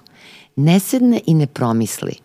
A socijalne mreže su fenomenalno mesto gde svako od nas može, ukoliko prevaziđe sobstveni narcizam, tako? Ima priliku da se imamo, iskaže. Da. Tako je, da nauči nešto novo, da proširi svoje gledište ili možda da kaže, ne mora da napiše, ali da kaže sebi, čekaj, Vidiš, ali ovo je interesantno, nisam nikada razmišljala ili razmišljao na ovaj način. I u stvari nama socijalne mreže su kao vatra. Dakle, možemo da se zagremo ili možemo da izgorimo na plamenu vatre, tako isto i socijalne mreže. Možemo da zabagujemo, da se otrujemo, da se kontaminiramo tuđom agresijom. Dakle, sad mi pada na pamet, pa mi možemo čoveče da doživimo projektivnu identifikaciju preko, je tako, preko socijalnih mreža, ne treba nam direktan kontakt. Više ni za šta nam ne treba direktan kontakt. Izgleda, da. da. Da se ne vratim na Japan, ali imam stvarno neke asocijacije vezane tamo ali u sa, Japanu. O Japanu, tako je. A zaista interesantne asocijacije vezane za tu kulturu i znaš za ono iznemljivanje drugara na pola sata. A, da, kako da, ne, da, da, da. Da, da ali ajmo se Aj, da se mi vratimo na ovu našu kulturu koju pripadamo i koja nam je poznatija. Dakle, ovaj, uh, nekako u, u, umesto da, da, da, što se trujemo, da u stvari se oplemenjujemo. Jer mi u stvari sad imamo fenomenalnu mogućnost da upoznemo neke pametne i neke drugačije ljude sa kojima možda, odnosno nikada ne bi u životu imali kontakt.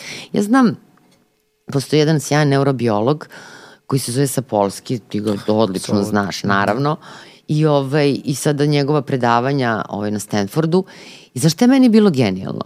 Što je ovaj, jedna osoba napisala, kaže, ovo je ljudi fascinantno. Ja sedim na drugom kraju planete Zemlje i mogu da gledam predavanje sa polskog i svoje stolice.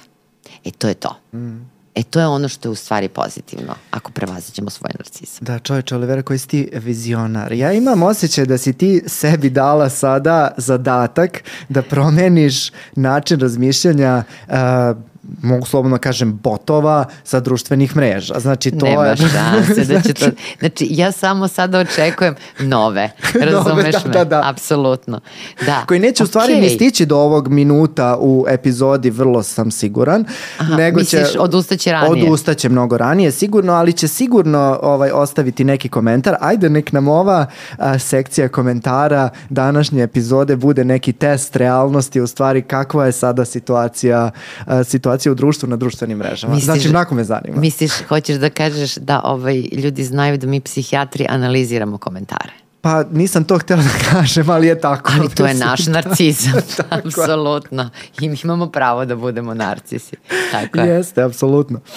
E sad, pošto smo se tako slatko nasmejali, to je mene podsjetilo na e, onaj koncept o kome smo pričali ti i ja, a odnosi se na cerebralni i telesni narcizam. Jeste. Ovaj, nekako, e, to je, da kažem, koncept koji je relativno nov I sećam se kada sam prešla sa klinike za psihijatriju institut za mentalno zdravlje, radio je sjajan psiholog Zoran Milojković i on je u stvari u svojim nalazima često opisao da je neki uh, pacijent ili klijent, kako god, on je čovek koga je testirao, recimo cerebralni narcis ili telesni narcis. A o čemu se u stvari radi?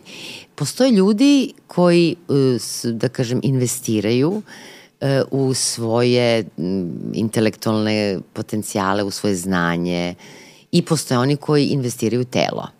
I ta investicija može naravno da bude narcistička, može da bude, da kažem, u domenu zdravog, a ukoliko je predimenzionirana, onda naravno dobija patološki kvalitet. Tako da u stvari narcizam nas psihijatara je pre svega cerebralni. Da. Jer da. mi investiramo, da kažem, više, ali tako, u svoju pamet. Što ne znači da ne postoje ljudi koji ne investiraju jedno i drugo.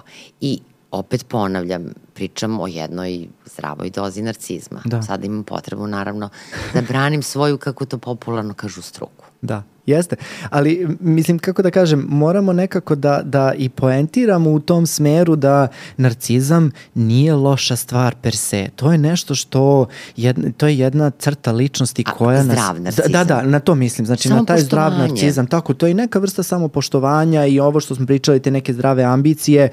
I baš sam ih hteo o tome da pričamo i ti i ja i sve naše kolege i svi ljudi koji se bave podcastima. Između ostalog, mi imamo neku dozu narcizma I mi to ne krijemo i prosto uh, ističemo to kao jednu vrstu normalnosti. Ali ovde moramo da povučemo paralelu između nečega što je dobro i što nas tera da budemo bolji, dok sa druge strane ima ova neka vrsta malignog nacizma i svega ostalog što smo, što smo pominjali. Ali e, imao sam jednu asocijaciju koju sam zaboravio da pomenem kada si pričala o razlikama između um, uh, depresije kod uh, narcističkog sloma, odnosno dekompenzacije narcističkog poremećaja ličnosti i uh, depresije kao takve, odnosno koja se javlja van poremećaja ličnosti. I tu sam čitao jednu knjigu profesora Šrakića koji se između ostalog uh, i bavio poremećajima ličnosti, ali i narcizmom, gde je opisao upravo ovo što si ti pomenula, taj uh, pesimizam koji karakteriše uh, depresiju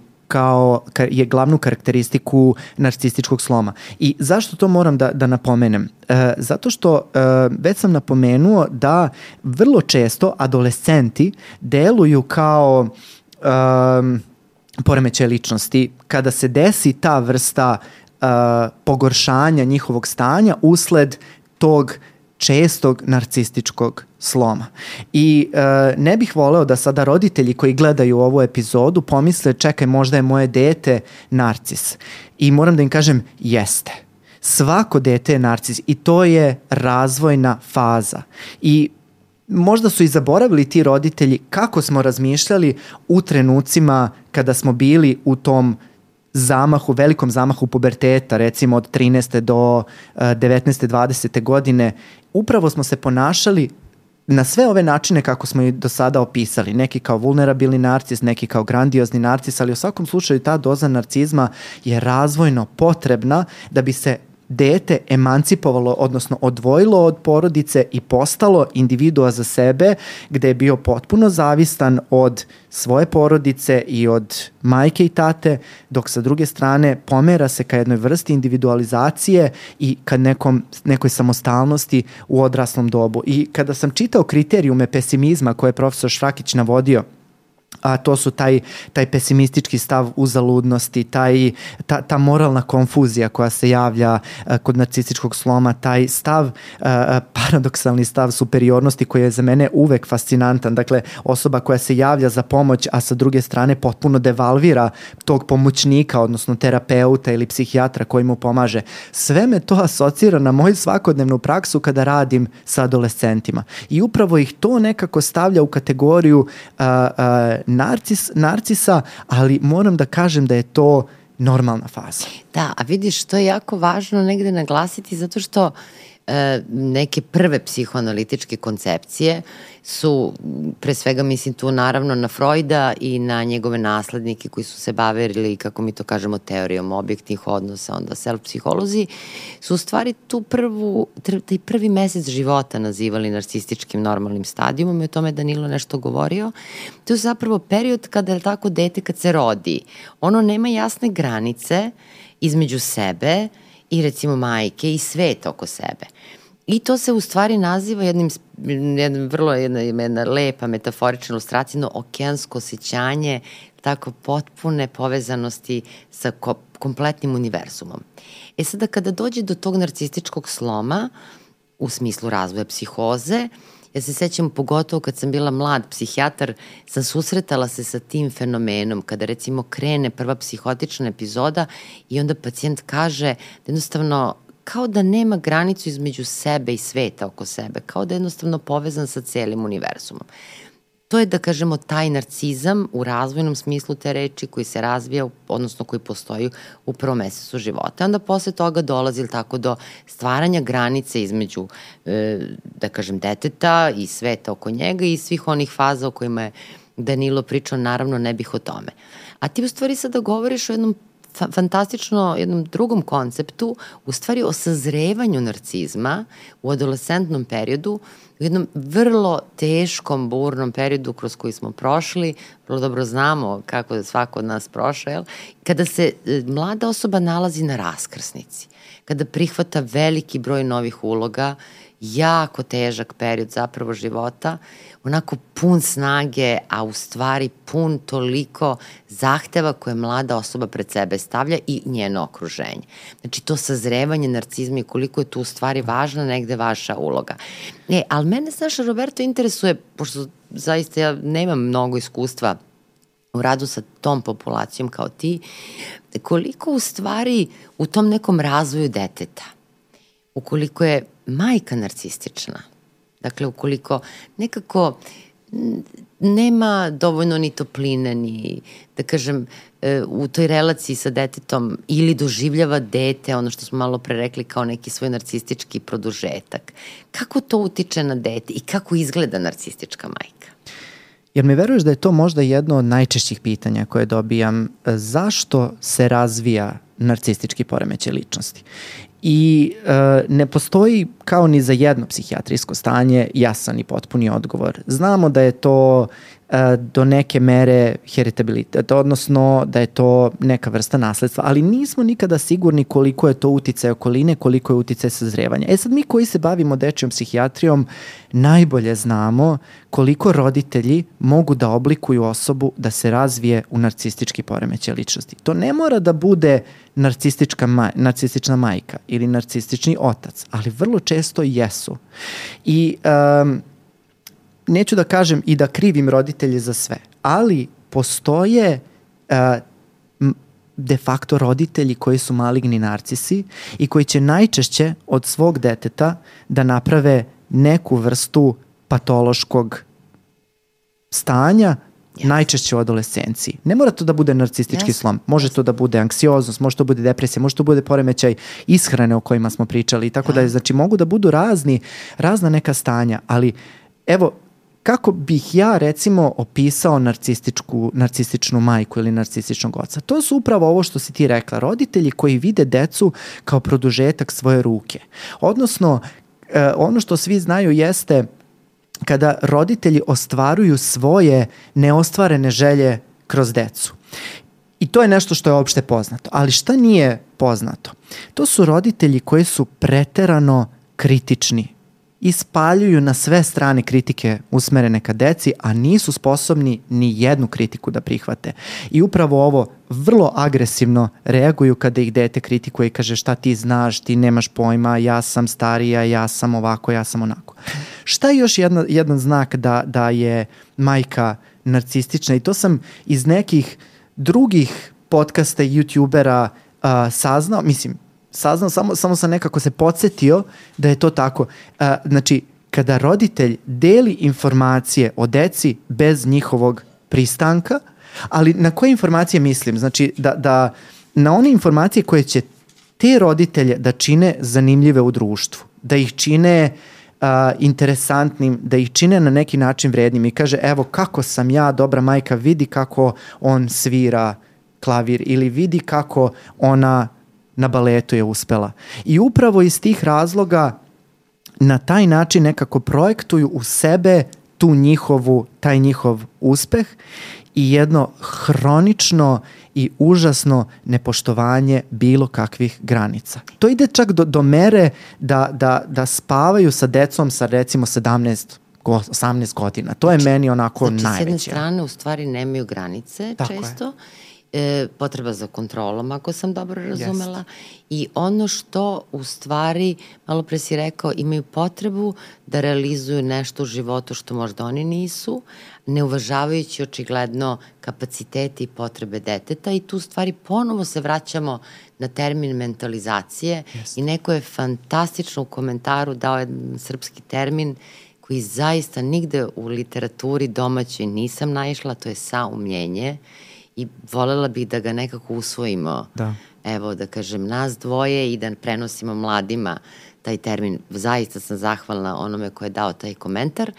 Zašto to kažem? Zato što da bi majka e, bila adekvatna, jer ono što vi nikot još, je tako rekao, to je da bi se dete razvilo, da bi bilo zrelo, mora da ima dovoljno dobru majku ili negovatelja, kako god, a ona podrazumeva da ima upravo sposobnost da prepozna, da oseti potrebe svoga deteta. Tako je, tako I zaista je tragično kada roditelj, negovatelj, pre svega najčešće je to majka, ne prepozna, kada jednostavno nema kapacitet za empatiju, kada ne može da se postavi u osob, da, u, da kažem, poziciju, da oseti potrebe, da oseti želje, htenja, emocije svoga deteta, nego jednostavno ima kao, ajde da opet napravim jednu nepopularnu analogiju sa kompjuterom, ali kao da želi da instalira programe. Jeste svom detetu one koje ona zamislila. I znaš šta je tu u stvari kvaka?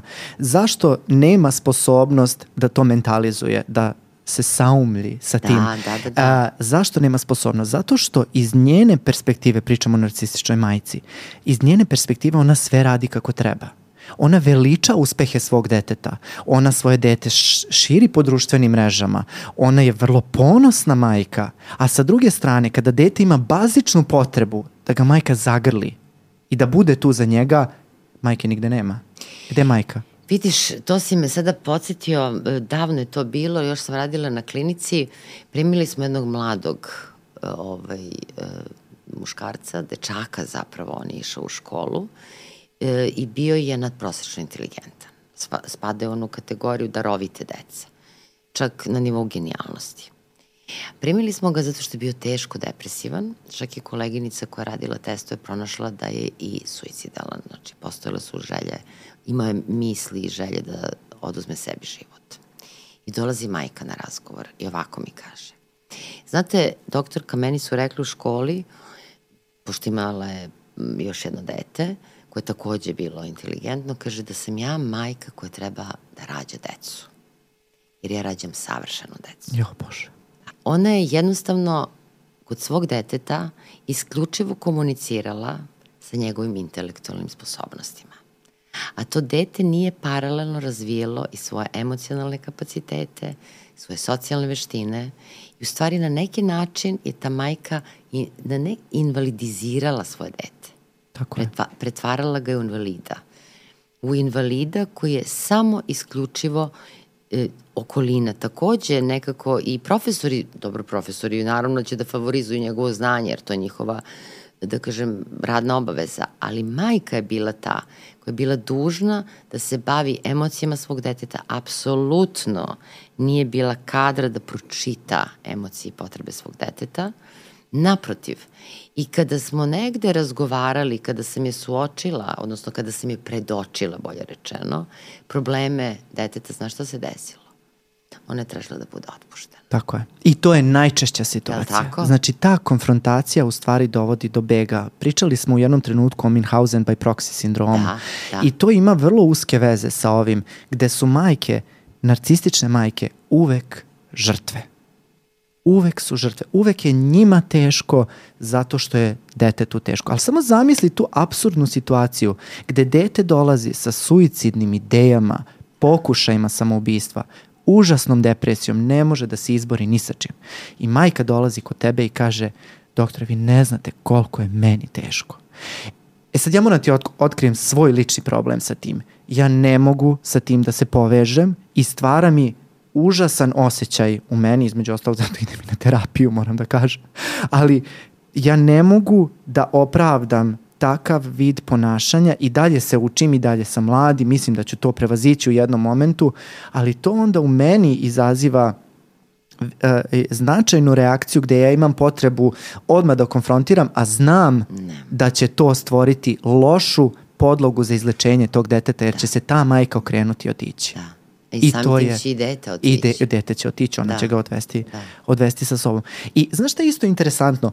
Kako u stvari ti narcistički roditelji dovedu do toga da to dete se slomi u depresiju? Ili znaš šta je najčešće ja mislim da je 95% slučajeva dece koje imaju narcističke roditelje znaš šta im je glavna rečenica?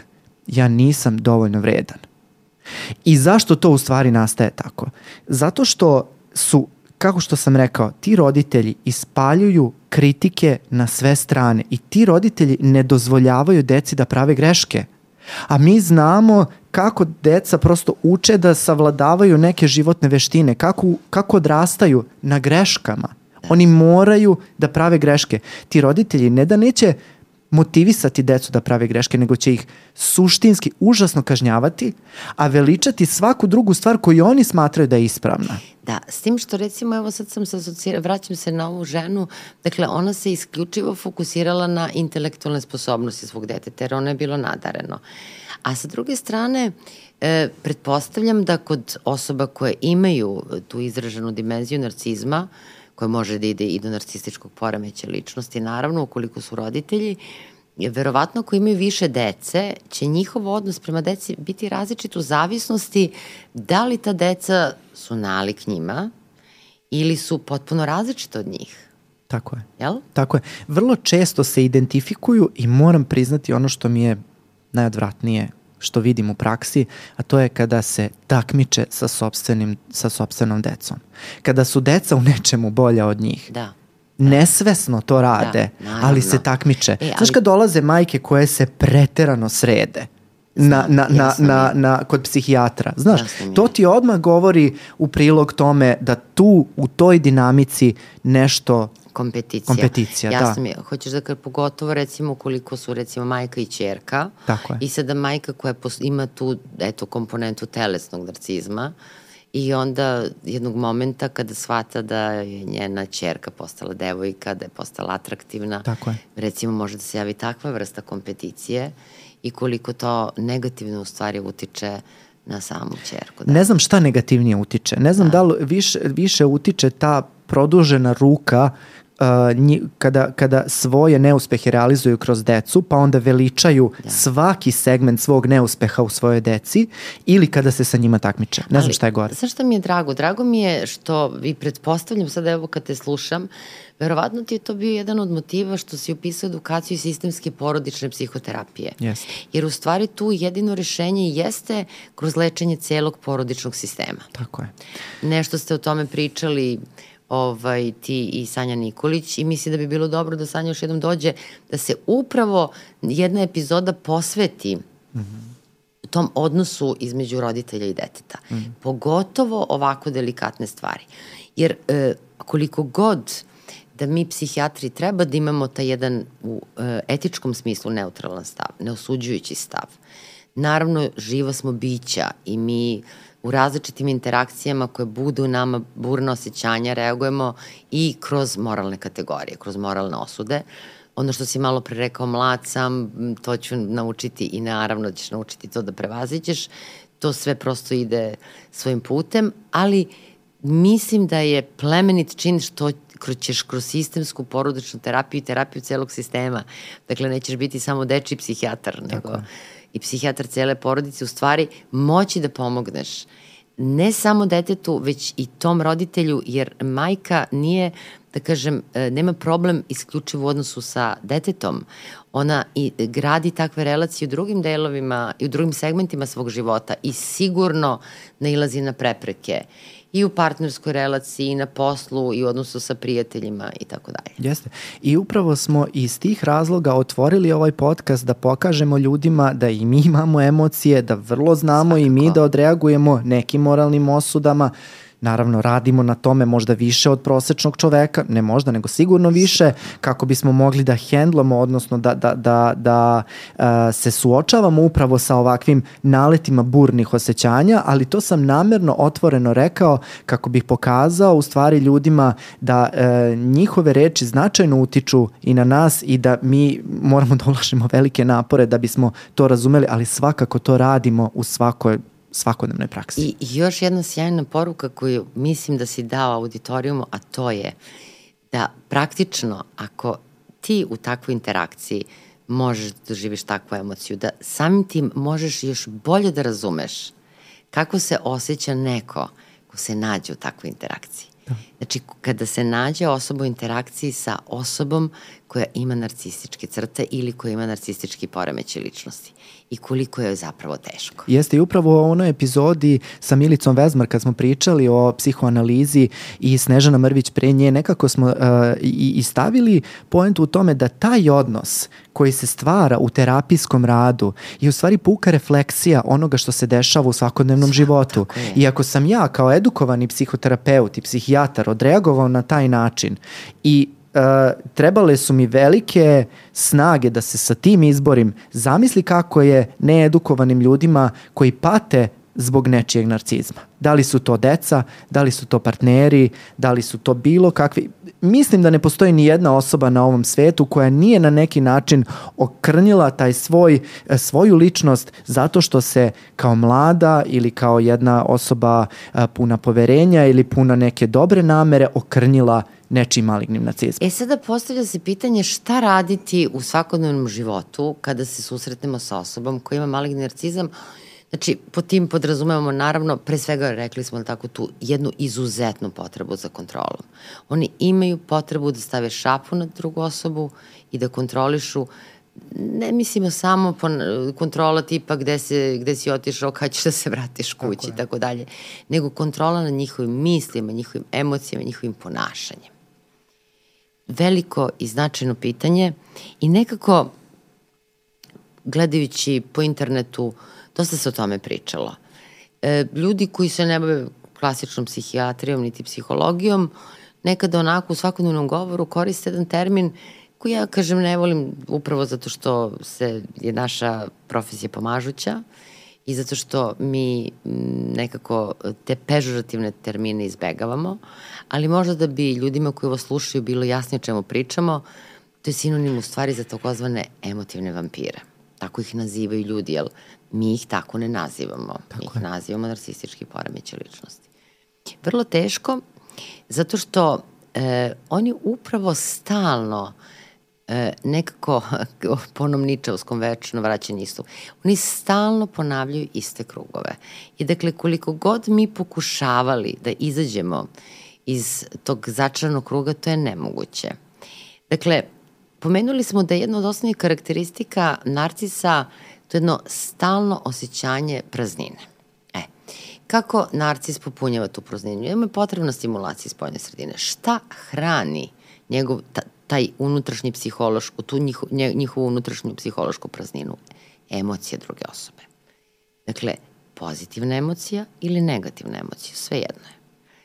Kada mi zaista autentično nemamo emociju, nekada mi svojim ponašanjem kažemo šta nas briga, nego kada zaista shvatimo o čemu se radi, kada prepoznamo da preko puta sebe imamo osobu koja želi da na jedan vrlo manipulativan način, prvo zavođenjem, jel tako, pa onda da privuku našu pažnju, pa da nas uvuku u svoj sistem, pa da nas impresioni, impresioniraju, pa da nekako pomislimo kako su, kako u pitanju osoba koja savršeno nekako e, odgovara našem nekom afinitetu, imamo slične interesovanje i tako dalje, bilo kakva da je relacija u pitanju partnerska, prijateljska ili u nekom profesionalnom svetu i tako dalje, E, uđemo u taj sistem i onda počinjemo da prepoznajemo te signale o kojima smo tokom ove epizode govorili, moramo da shvatimo da je jedini način polako distanca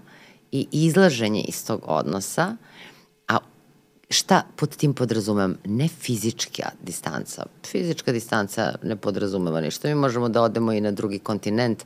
Ako ostanemo u emotivnom odnosu, mi smo i dalje u odnosu nego jednostavno da se emotivno distanciramo te osobe. Mm. I da nas više bilo kakav manevar takve osobe ne može emotivno dotaći. Zaista da prekinemo emotivni odnos sa tom osobom. U krajnjoj liniji, ono što narcis nikada ne može da doživi, to je meni jako interesantno, autentičnu emociju tuge. Oni mogu da dožive stid, oni ne mogu da dožive kajanje. Nikada ne mogu. Znači, njihove su emocije više na nivou nekog nelagode, što ti mnogo bolje od mene znaš kroz razvojnu psihologiju kako se emocije razvijaju, kako prvo su te neke nediferencirane prijatnost, neprijatnost, pa onda taj neki stid i tako dalje. Ali osjećanje kajanja u njima ne postoji. Ako mi pokušamo da pojasnimo osobi koja je narcistična, da nas je povredila, ona neće osetiti kajanje. Ostaće ravnodušna prema našoj emociji. Ona ima fantastičnu moć mimikrije. Dakle, fantastično koliko ona može da facijalno pokaže ekspresiju kajanja, a iza toga je praznina. E, toga moramo da budemo svesni. I zato je u stvari jedini lek emotivna distanca. Onog trenutka kada mi izađemo iz tog odnosa autentično i zatvorimo vrata tog momenta, i u stvari smo spašeni. Ali pazi ti taj paradoks gde uh, rekla si da život narcisa zavisi od drugih ljudi, a on ne može da uspostavi ni jedan kvalitativan kvalitativno dobar odnos sa drugom osobom.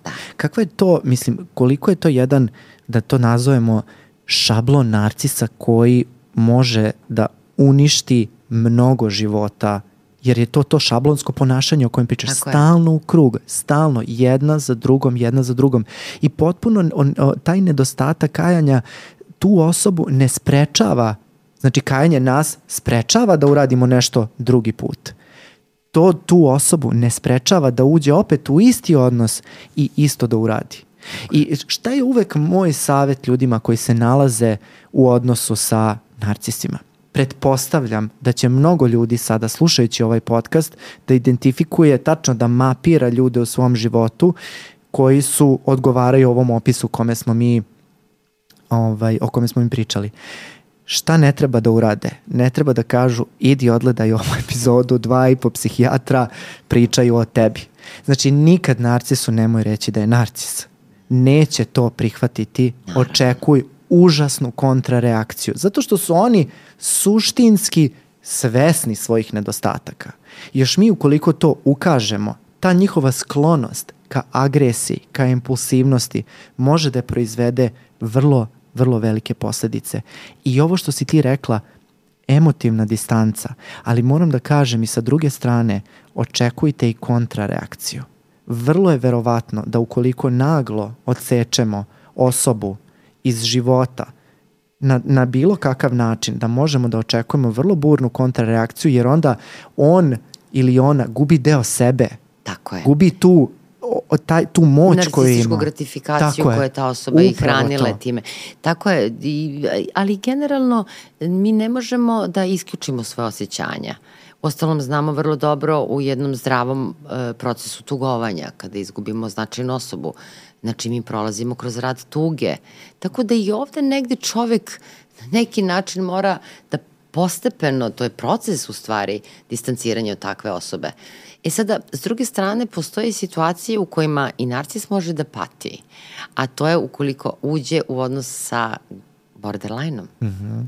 To je vrlo interesantna dinamika, taj, kako ga nazivaju, place, vruće hladno, mada ovaj, generalno poremeći ličnosti... A i to je vrlo česti sklop. Da, Da. da, da, da, vrlo čest sklop, zato što su negde kompatibilni, jel, upravo njihove karakterne osobine su, da kažem, kompatibilne i onda imamo taj, kako kažu, place eh, ovaj, između eh, narcisa koji ima potrebu da, se, da mu se divi i sa druge strane graničnog poremeća ličnosti koji ima strah od napuštanja. I ko započinje kavgu? Znači, kreće prvo naravno idealna ljubav, zapravo, ajde da budem preciznija, zaljubljenost. Jer ono što karakteriše poremeće ličnosti to je da oni mogu da budu zaljubljeni, ali ne mogu da razviju trajnu emociju ljubavi. I šta se u stvari dešava? Dakle, e, rad u tom, toj dinamici započinje naravno borderline. Kako?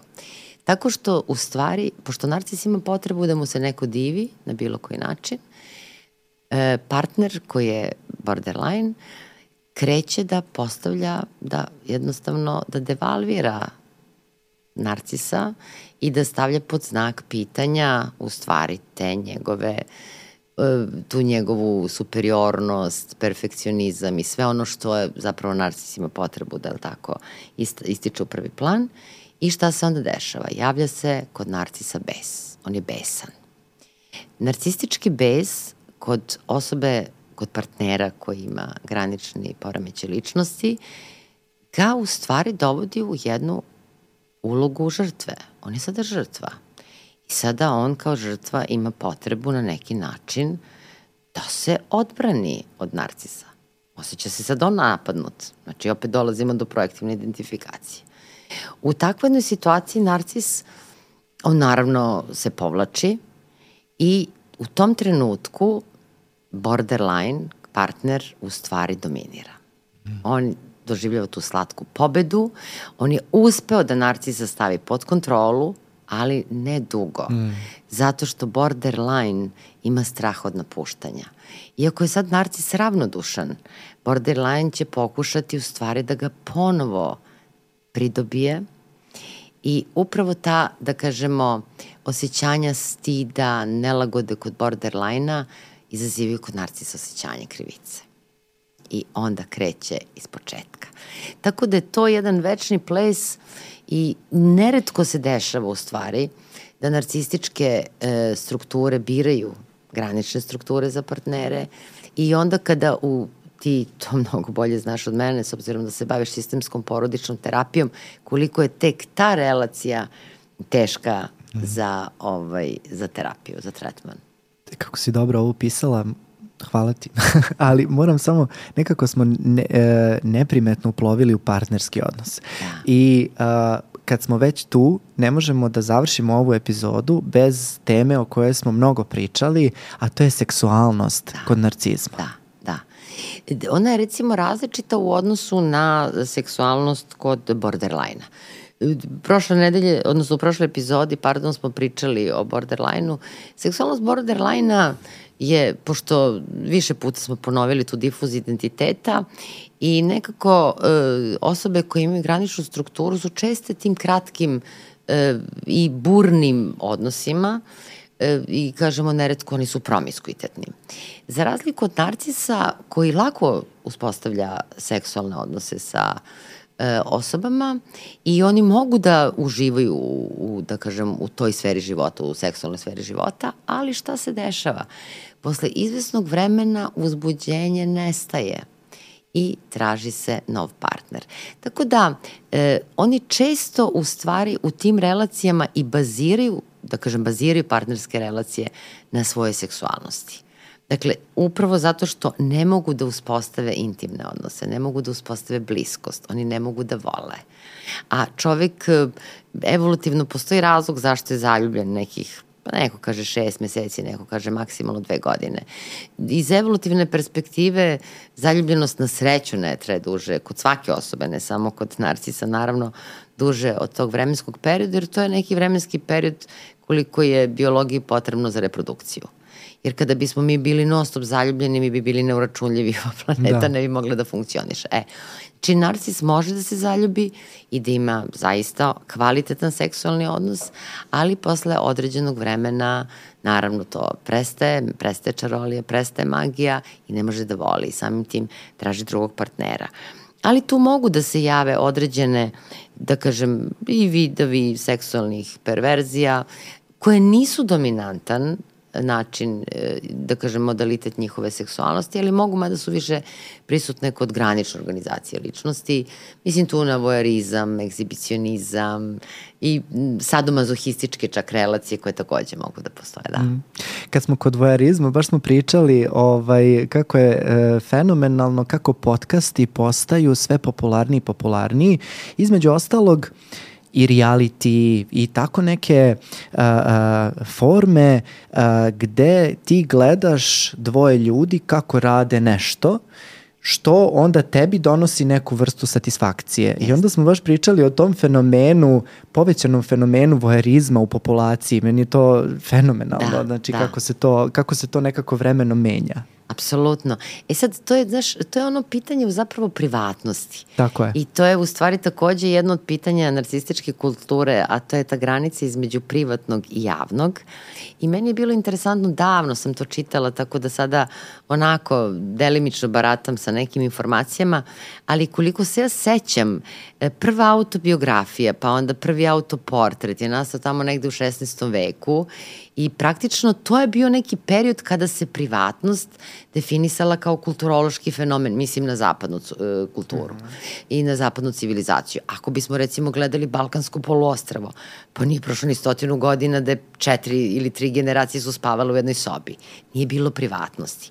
I sada je nama, koji smo navikli na privatnost, u stvari ovo potpuno sada jedan nov fenomen o čemu se sad ovde radi. Kako mi sada gubimo tu privatnost. A zapravo to su neke, da kažem, spirale onako kulturnoj istoriji koje se ponavljaju samo da kažem na jedan, ima neki, neki drugi kvalitet. Ali to se definitivno dešava. I činjenica je da smo i ti i ja ovaj, vojeri onog momenta kada gledamo neki podcast ili kada gledamo na televiziji neki reality. Tako da. je, tako je. To je u stvari jedan evolutivni fenomen da, koji je u stvari nasle, na, nasleđen od strane naših predaka koji su u stvari tako je, bili. Da. Tako je, i to je, da kažem, i neka vrsta i nekog možda našeg sublimatornog potencijala da neki ipak malo ovaj, banalni oblik vojerizma pretvorimo u neki socijalno poželjan. Tako je, tako, tako da. da. E, a, a, e, samo da se još jednom nadovežem, evo za kraj možemo da kažemo, uh, kada si pričala o odnosima uh, graničnog poremećaja ličnosti i narcisa. Um, ono što sam našao kao interesantan podatak jeste, ne znam da li si to znala, uh, u zapadnim zemljama, konkretno mislim na Ameriku, ima, uh, imaju grupe podrške ljudi koji su izašli iz narcističke, iz veze sa narcisom. Ne, sjajno, Fenomenalno, ne, ne. da, imaju da, te svoje grupe podrške, jer se preporučuje da, s obzirom da je vrlo teško naterati narcisa da se leči, prosto obezbedimo sebi neku vrstu podrške i onda su se ljudi dosetili da formiraju te grupe, međutim ono što mi je bilo vrlo interesantno jeste da su radili neku vrstu skrininga da vide koje osobe traže vrstu tu vrstu pomoći kada su izašli iz, iz, da. os, iz uh, odnosa sa narcisom, to su najčešće bili granični poremeće ličnosti. Eto, tako da smo nekako potvrdila si ovaj, i tu neku, uh, ovaj, i tu neku teoriju. Tako da sjajno. Uh, ljudi, Hvala vam što ste bili sa nama. Kao i uvek podsjetit ću vas da nam je jako bitno da se subscribe-ujete, da kliknete ovo zvonce koje će vam u stvari ovaj, ukazati svaki put kada mi izbacimo neki novi sadržaj, ali ono što je možda najbitnije i što smo nekako i o čemu smo pričali u ovoj epizodi jeste da nam ostavljate komentare. Ovaj, mislim da će na, na ovu epizodu imati mnogo što što da se kaže. Vidite da vas vrlo, vrlo budno pratimo. Hvala vam još jednom. Vidimo se sledeće nedelje. Ćao!